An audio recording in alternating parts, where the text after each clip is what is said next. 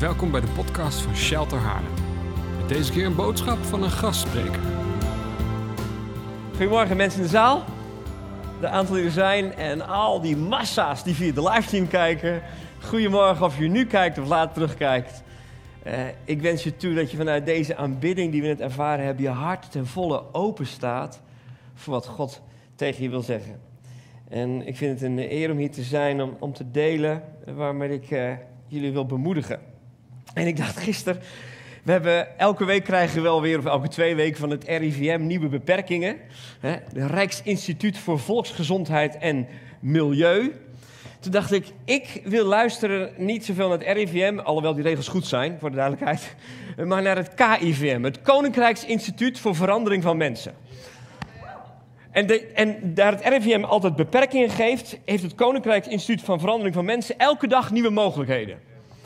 En daar geloof ik in, in een koninkrijk van mogelijkheden. Dat er elke dag, als je luistert naar de stem van God, geeft Hij mogelijkheden. Zelfs binnen beperkingen die zijn, zijn er in het koninkrijk van God altijd mogelijkheden.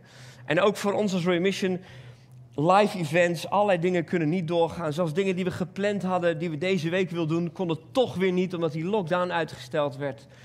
En het mooie is dat we dan weer nadenken, wat kan er wel? Heer, wat wilt u wel doen? En als ik dan bedenk dat we eh, aanstaande dinsdagavond een online meeloopavond hebben voor jongeren die onze Bijbelschool willen gaan volgen, denk ik, ja, het kan ook gewoon. Het, de praktijk is, nu we al een tijdje online meeloopavonden doen, dat er veel meer jongeren zo'n avond meekijken van, zou ik een Bijbelschool willen volgen? Als we het live deden, hadden we 20, 25 bezoekers. Nu hebben we er soms veel meer.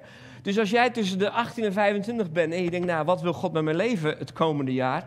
Niet dat je naar onze school moet, maar denk in ieder geval na. Oh, kijk, daar staan ze. Jullie hebben het gewoon nog in beeld gekregen ook. Ja, daar is mijn vrouw links en rechts ben ik. En dit zijn de studenten die nu bij ons op school zitten dit jaar. Echt helden. Zo staat trouwens één die hier, Thijs staat in het midden. Die hoort hier bij de kerk, geloof ik, hè? Thijs Veefkind. Ja, Thijs, als je kijkt, jongen, je bent een held. Maar al die anderen ook, hoor. Geweldig. Dinsdagavond kun je iets van hun verhalen horen, de school zien, de visie van de school. Online meeloopavond, als je daar meedoet. Het andere is, dat is al lang gesloten, maar komende week gaan er weer 1300 mensen een cursus volgen online. 1300. Het is gewoon niet te geloven hoeveel mensen je kunt bereiken. Dus ja, we hebben beperkingen. Maar in het koninkrijk van God zijn altijd mogelijkheden. En van daaruit willen we leven. Op die manier. Um, en wat helpt nou om te blijven denken in die mogelijkheden van het koninkrijk? Wat het meeste helpt is tijd met God besteden. Want waar je tijd mee besteedt, dat beïnvloedt wie je bent. doordat ik veel met mijn vrouw optrek, bepaalt dat hoe ik mijn leven invul. Doordat ik veel met tijd met God besteed, ga ik dingen doen zoals Hij het wil. Je beïnvloedt elkaar en uiteindelijk verander je. En daarom dacht ik, vanmorgen wilde ik heel graag delen over praten, tijd met God besteden. Eigenlijk hoop ik, en dat hoop ik voor jullie, maar ook voor mezelf, ook voor jou thuis, dat als deze tijd voorbij is, en ik weet niet wanneer die voorbij is met alle pandemie, maar stel, het moment is daar, het is voorbij, dan zou het toch moeten zijn dat we minstens één ding kunnen zeggen over die tijd dat we meer tijd met God besteden hebben dan ooit tevoren.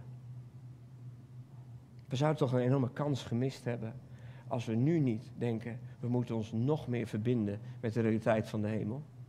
We moeten nog meer, we hebben tot rust komen, tot inkeer komen, tot verootmoediging komen, tot besef van Heer, onze hoop is echt op U. Echt op U. In elke omstandigheid en juist nu. En daarom eh, kwam ik in de afgelopen weken al, al eerder was ik aan het nadenken over die eerste zin van het Onze Vader. Onze Vader in de hemel. Als het gaat over bidden of tijd met God besteden, dan kom je al heel snel bij het, het, Onze Vader, waar de discipelen aan Jezus vragen, leer ons bidden. En hij eigenlijk hen een paar dingen vertelt. Hij vertelt trouwens eerst wat ze allemaal niet moeten doen. Hij vertelt hen eigenlijk, je moet niet op de hoeken van de straten, je moet niet met veel woorden, je moet niet heel zichtbaar proberen. Blijkbaar hebben wij allemaal nodig dat als we willen worden zoals God het bedoeld heeft, dat we heel veel dingen moeten afleren. Eerst afleren voordat je het goede kunt aanleren. Dus doe dat niet, doe dat niet. Hoe doe je het dan wel? In het verborgen, de stilte. En bid dan als volgt. Onze Vader in de hemel. En eigenlijk wil ik vooral bij deze zin stilstaan. Onze Vader in de hemel. Het lijkt wel alsof bidden, als je alleen al die zin neemt, een brief aan God is. Het is onze Vader, dat is de geadresseerde. En waar woont hij? In de hemel. alsof je een brief schrijft, dat is aan de persoon en hier is het adres. Onze Vader in de hemel, daar is hij. En alleen dat zinnetje maakt bidden, tijd met God besteden. En misschien wel meer dan ooit tevoren maakt het iets uh, chics.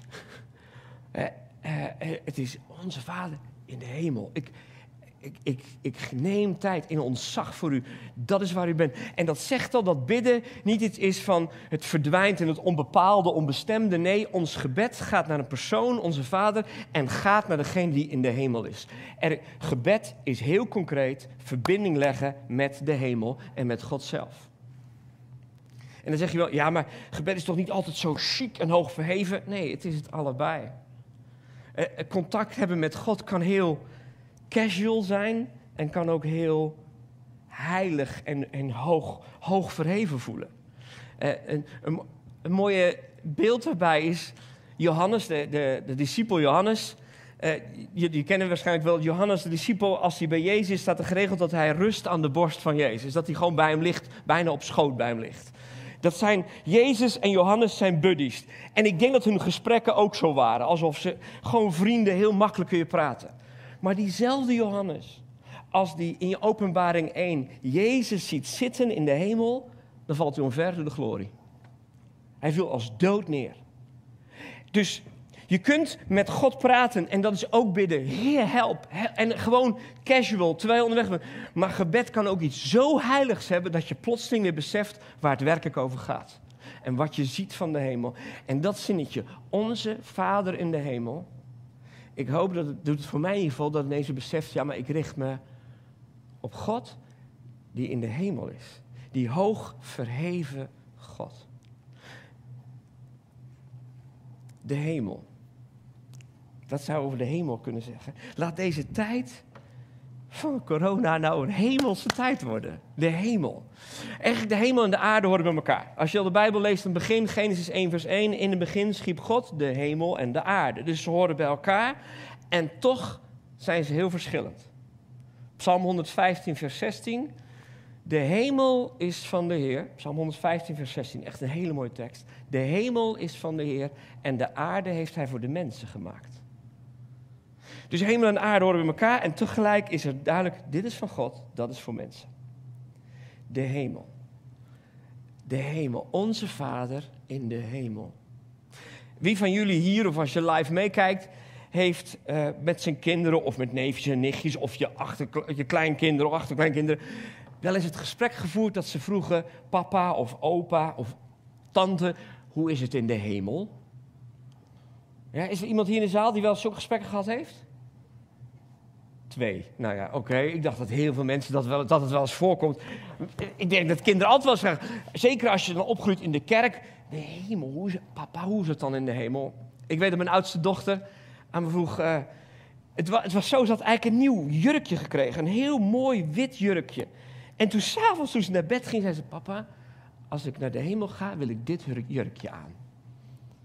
Ja, en dan kun je wel gaan lachen en denken, ja, maar uiteindelijk ga je dan een gesprek met je kind voeren van, oh ja, waarom? Ja, want dat, dat hoort bij de hemel. Dit jurkje wil ik aan. En, en toen kwam een heel gesprek over uh, hoe ziet het er dan uit in de hemel. En, wat, en dat is natuurlijk, ja, de hemel, daar weten we wel iets van.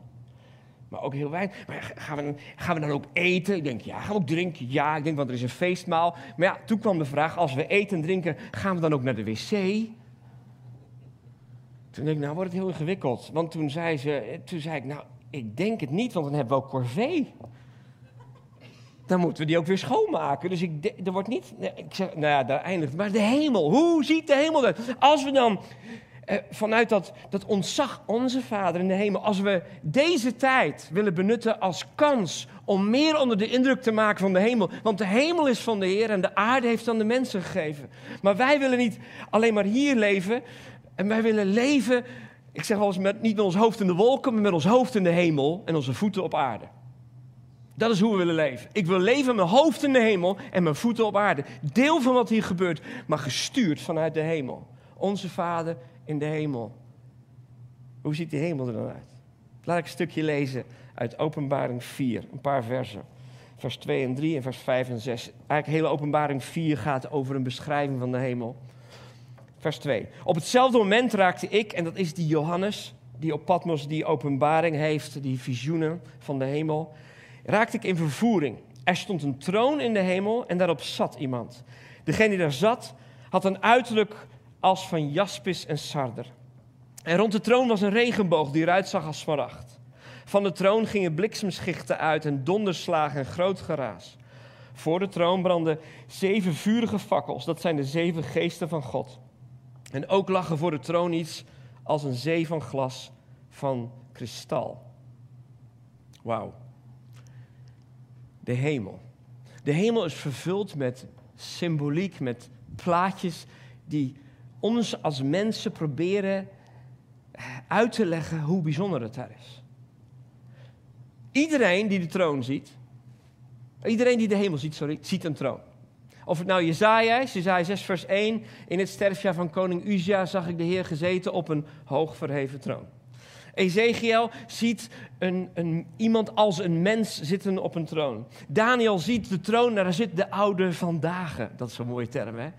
God is niet bejaard, maar hij was er al voor onze dagen. En dan hier Johannes, daar zit iemand op een troon. De hemel laat zien dat God altijd regeert. Amen. God regeert altijd. De hemel verkondigt. Iedereen die de hemel ziet, weet meteen, God regeert. God regeert, God regeert. Hij zit op zijn troon. En dan is hij bekleed met, met edelstenen. Jaspis en sarder en allemaal edelstenen. God regeert en hij is schitterend. Hij straalt glorie uit. God regeert. God straalt glorie uit. En dan om de troon is een regenboog. Wie heeft de regenboog bedacht? God zelf. Wat zegt de regenboog?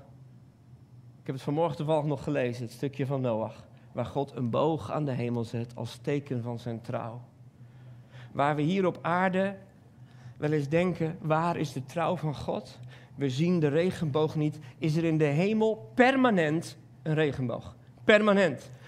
God regeert, God is schitterend en de hemel zegt permanent, God is trouw. Altijd.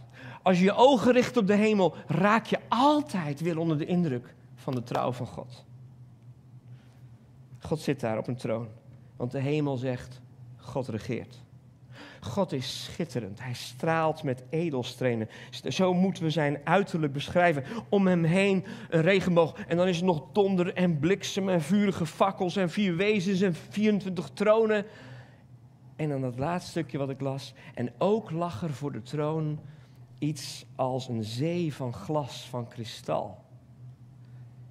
Een zee van glas voor de troon. Wat zegt dat?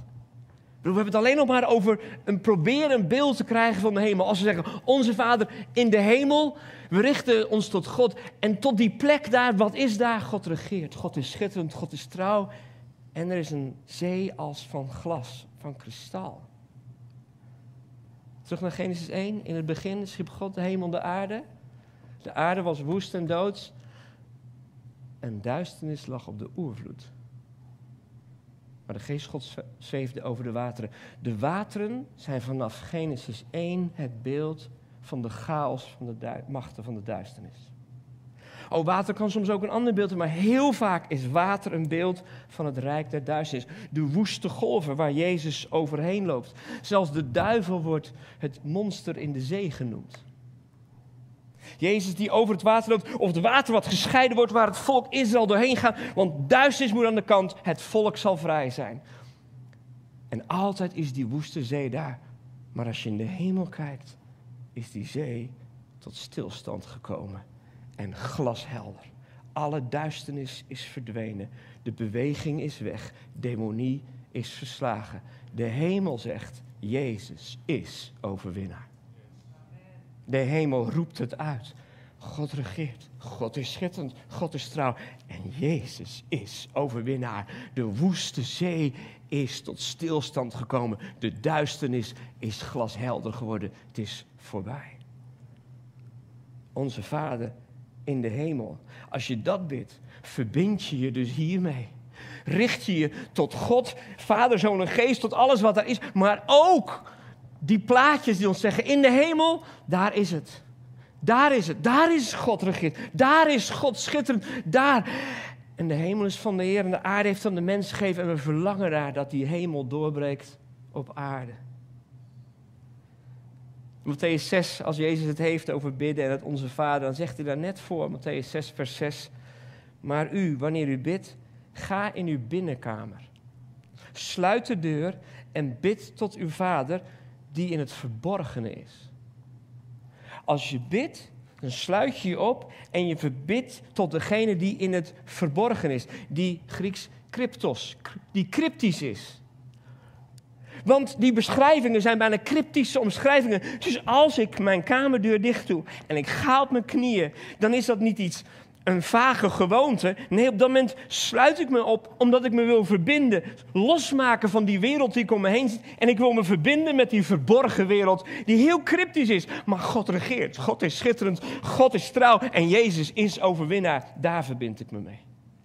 Dat is wat ik doe. En daarom dat ik soms de deur dicht moet doen om die zichtbare wereld af te sluiten. Om het te verbinden met die verborgen wereld die er permanent is.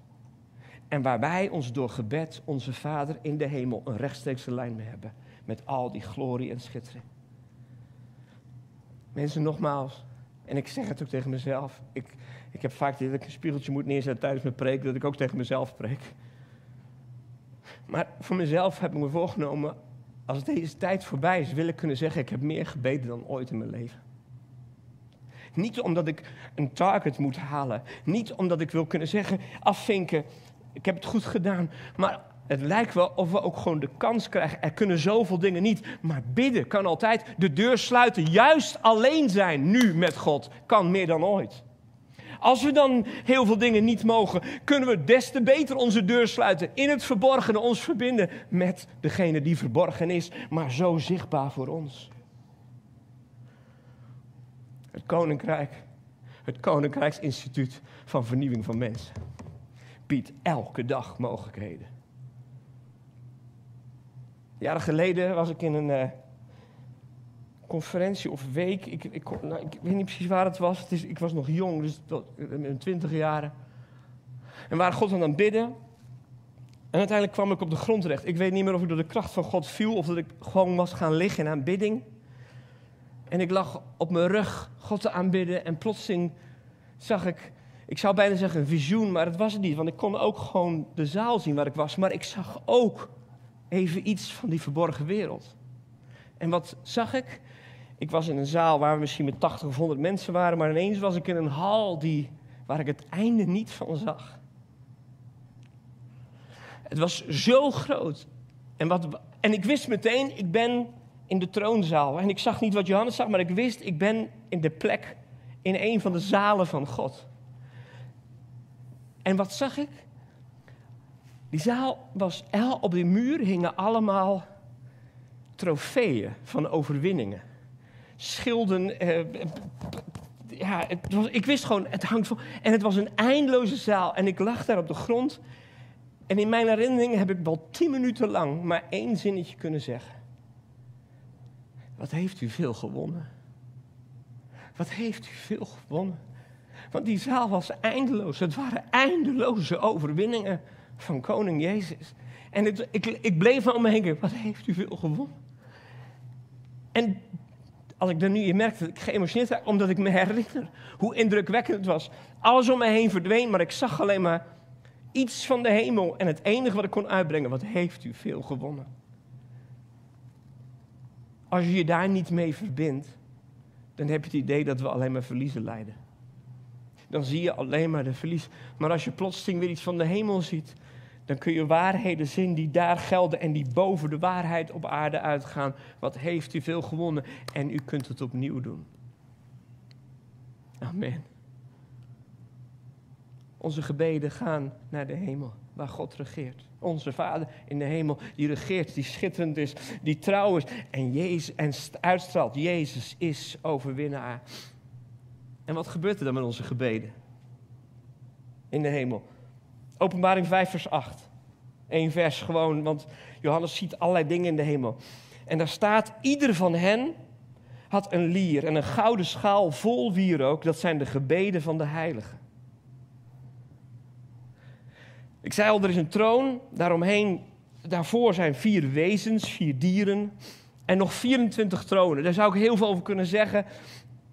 Maar dan staat er dat en die vier wezens en die 24 oudsten die op troon zitten, iedere van hen had een lier, ze aanbaden God, en gouden schaal vol wierook. Dat zijn de gebeden van de heiligen. Dat zijn de gebeden van de heiligen. Bidden is het vullen van gouden schalen. Om het heel dichtbij te brengen, jouw gebed legt gewicht in de schaal in de hemel. Jouw gebed, hoe vluchtig ook, legt gewicht in de schaal in de hemel. En niet even maar blijvend. Die gebeden worden bewaard. Na mijn amen denk ik dat ik klaar ben. Maar in de hemel blijft het in die schalen. En het legt gewicht in de schaal. Jouw gebed verdwijnt niet. Het gaat naar de hemel en het vult de gouden schalen. En die worden aangeboden aan God. Gebeden hebben veel meer effect dan je kunt denken. Ik denk zelfs dat de zegen die jij en ik vandaag ervaren heel veel te maken kunnen hebben met de gebeden die de generaties voor ons gebeden hebben. Misschien sta ik hier wel vanwege die gebeden. In mijn kindertijd, ik, ben, kom uit een gezin met vier kinderen. Ik heb een oudere broer, dan kom ik, dan komt een zus en nog een jongere broer. En ik weet, dat heb ik gehoord van mijn moeder, dat ze jarenlang, bijna elke avond, we hadden drie slaapkamers. Ik sliep met mijn broer, we hadden nog een broer en zus, drie slaapkamers naast elkaar. En dat ze knielden voor die deur als we naar bed waren. En gemiddeld per kamer 20 minuten tot een half uur bad. En waarom kan je dat bijna niet verwerken? Omdat je ineens beseft, misschien sta ik hier vandaag wel omdat zij knielde voor mijn deur. En zij heeft geen idee gehad wat voor gewicht het in de schaal legde. En misschien zullen we het pas weten als we daar zijn. Maar die gebeden die wij bidden, leggen gewicht in de schaal. Die veel verder rijken dan wij ons kunnen voorstellen.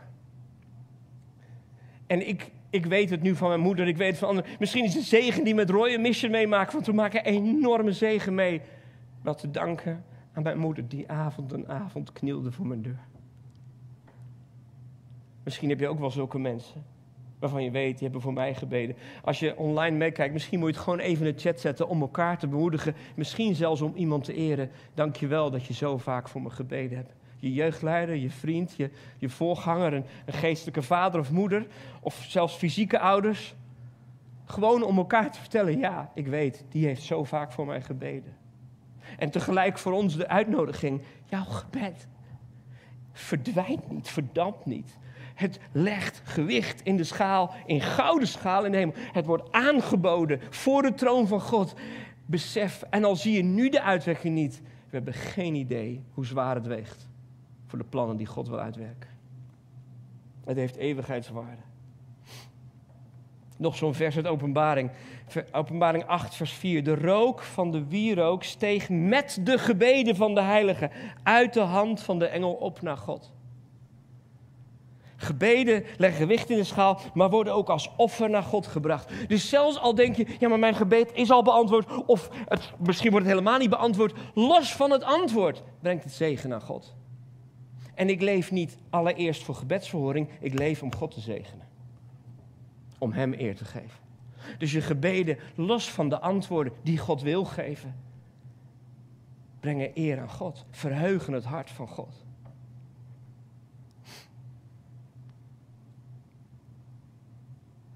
Dat is wat er in de hemel gebeurt. Onze Vader in de hemel. Het is God zelf die regeert, die schitterend is. Die trouw is tot een eeuwigheid, een regenboog. En ja, die glazen zee. Jezus is overwinnaar. De chaosmachten zijn overwonnen. En onze gebeden stijgen op en vullen gouden schalen. Ze leggen gewicht in de schaal en ze, geven, ze worden als offer voor God gegeven. Ze geven eer en vreugde aan God. Onze Vader in de hemel. Laat uw koninkrijk komen. Laat uw wil geschieden. Laat uw naam worden geheiligd. Zoals in de hemel, zo ook op aarde. Want gebed gaat ook om het verlangen. Dat alles wat we daar in het verborgene mogen zien, ervaren, weten, dat dat zichtbaar wordt hier op aarde. En in de Bijbel zie je geregeld dat de hemel zichtbaar wordt op aarde, op allerlei manieren. Dat zie je door Jezus heen, die het eigenlijk het meest laat zien. Wie mij gezien heeft, heeft de Vader gezien. Wie mij gezien heeft, heeft de hemel gezien. Jezus leeft de hemel op aarde. Maar zelfs al ver voor Jezus in het Oude Testament kom je dat mooie verhaal tegen van Jacob. Jacob die op de vlucht is voor zijn broer Esau. En die op de vlucht is, hij heeft echt iets stoms gedaan. Hij heeft de boel voor de gek gehouden, is op de vlucht. En dan s'nachts is een lange loop, legt hij ergens een steen neer, gaat erop slapen en heeft hij een droom of een visioen dat de hemel open gaat. En dan is daar een ladder waar engelen op en neer gaan en de zoon des mensen ziet hij. En s'morgens wordt hij wakker en denkt hij, ik lees het even voor, Genesis 28, wat, vers 17, wat een onzagwekkende plaats is dit. Zei hij, dit is niets anders dan het huis van God. Dit moet de poort van de hemel zijn. De volgende morgen vroeg zette Jacob een steen die hij als hoofdsteen had gebruikt rechtop en beide hem door er olie over uit te gieten. Dit moet de poort van de hemel zijn. Blijkbaar kan de hemel zichtbaar worden op aarde. En hij zet een steen neer, giet er olie over uit en noemt die plaats Bethel en denkt, hier is het. Maar door Jezus kan overal de hemel zichtbaar worden. Daarom leert hij ons bidden, zoals in de hemel, zo ook op aarde.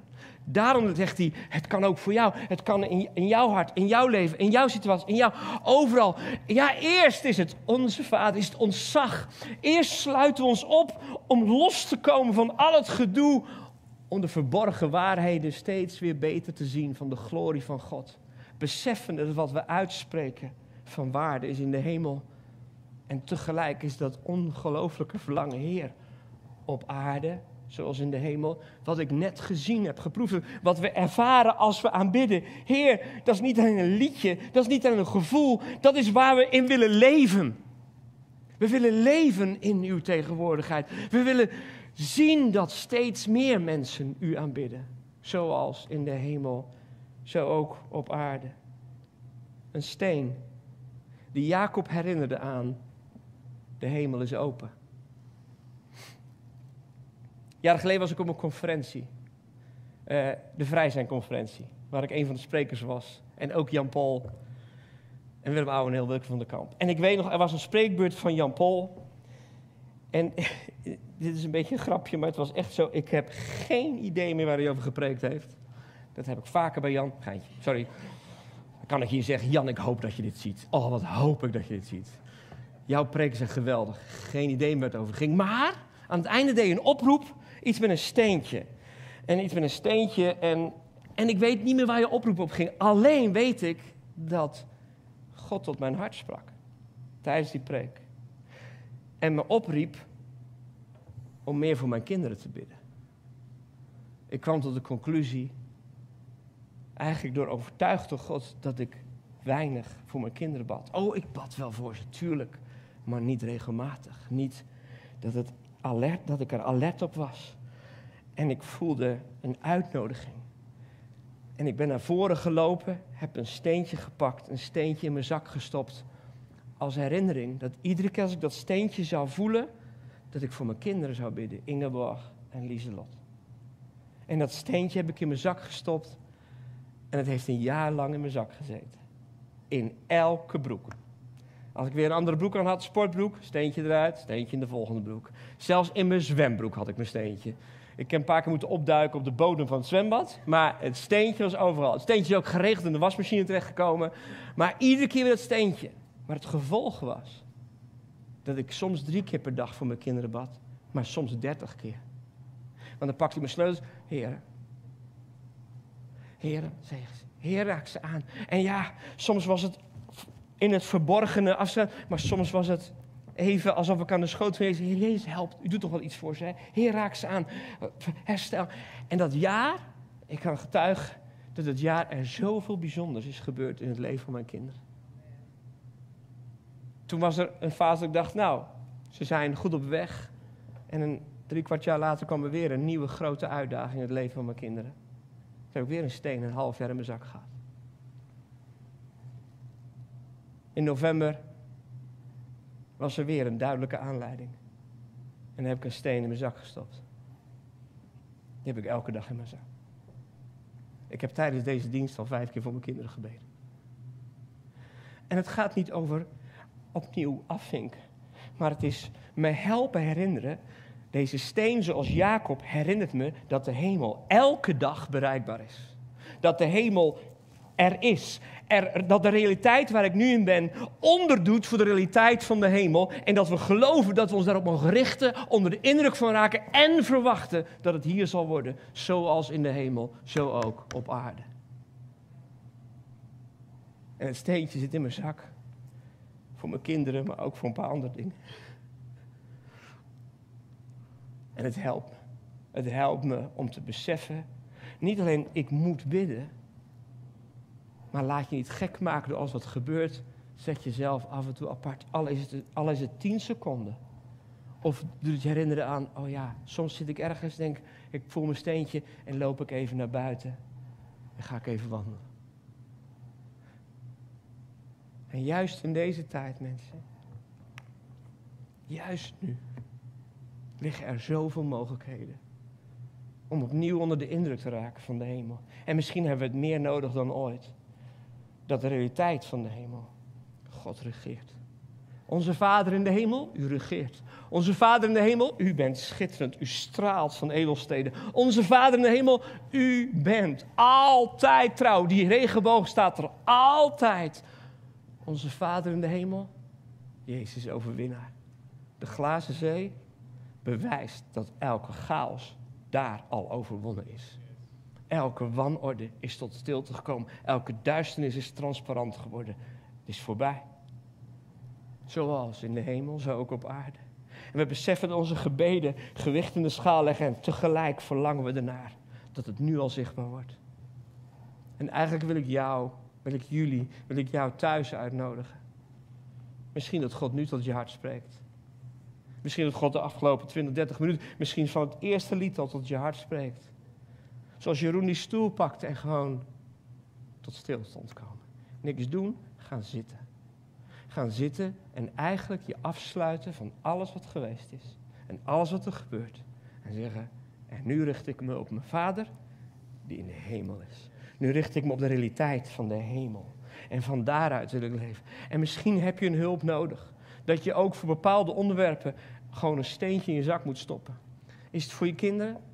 Is het voor een, een, een situatie waar je tegenaan loopt? Is het voor, voor wat dan ook? Maar dat je voelt, en je moet niet nu te gaan lopen bedenken waar je denkt, ja, terwijl je aan het spreken bent, voel ik dat dit, dat dit me raakt. Dat dit over mij gaat. Dat ik een uitnodiging krijg vanuit de hemel. Stop een steen in je zak.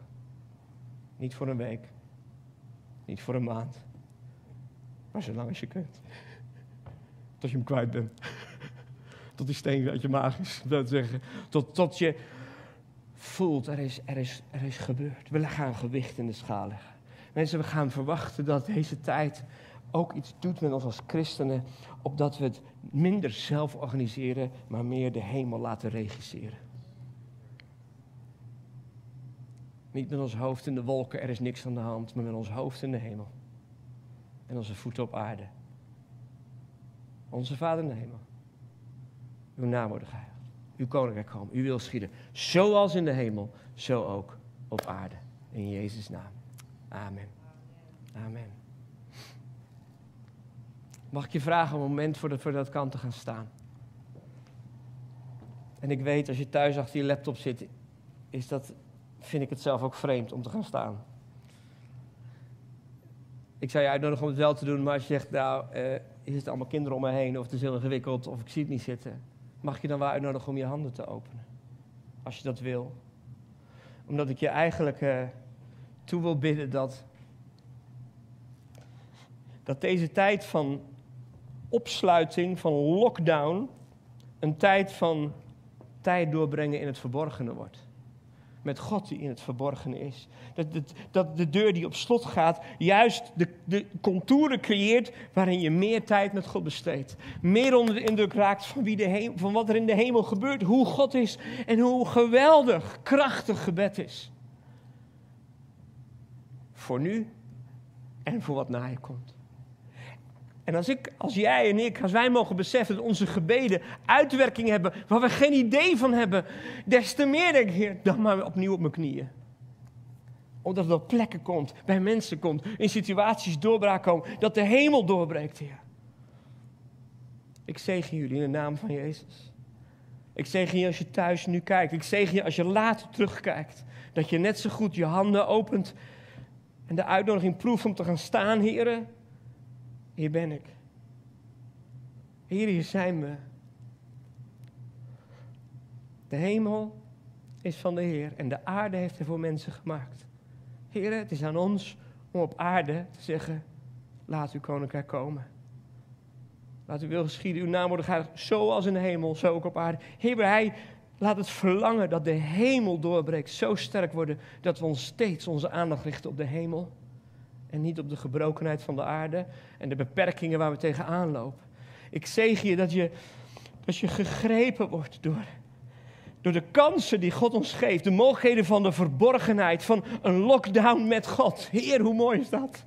Een tijd met God die we nooit zo hebben kunnen hebben. Heer, dat we meer met u besteden. Meer onder de indruk raken van de hemel.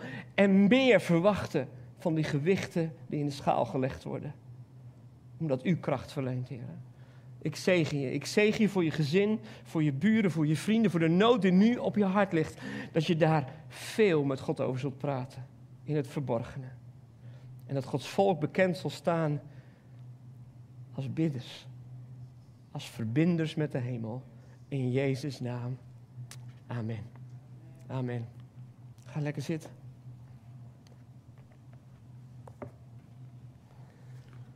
Ik wens jullie God zegen toe.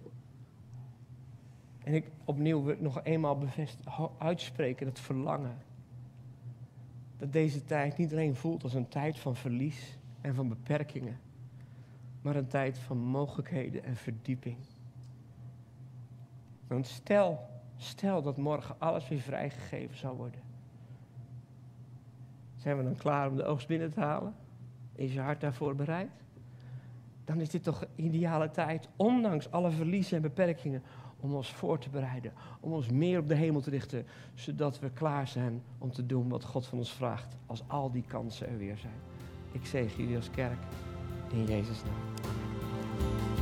Dank voor het luisteren naar onze wekelijkse podcast. De missie van Shelter is Gods Koninkrijk zichtbaar maken in onze wereld. Wil je onze gemeente financieel ondersteunen in deze missie? Ga dan naar www.shelter-haarlem.nl geven.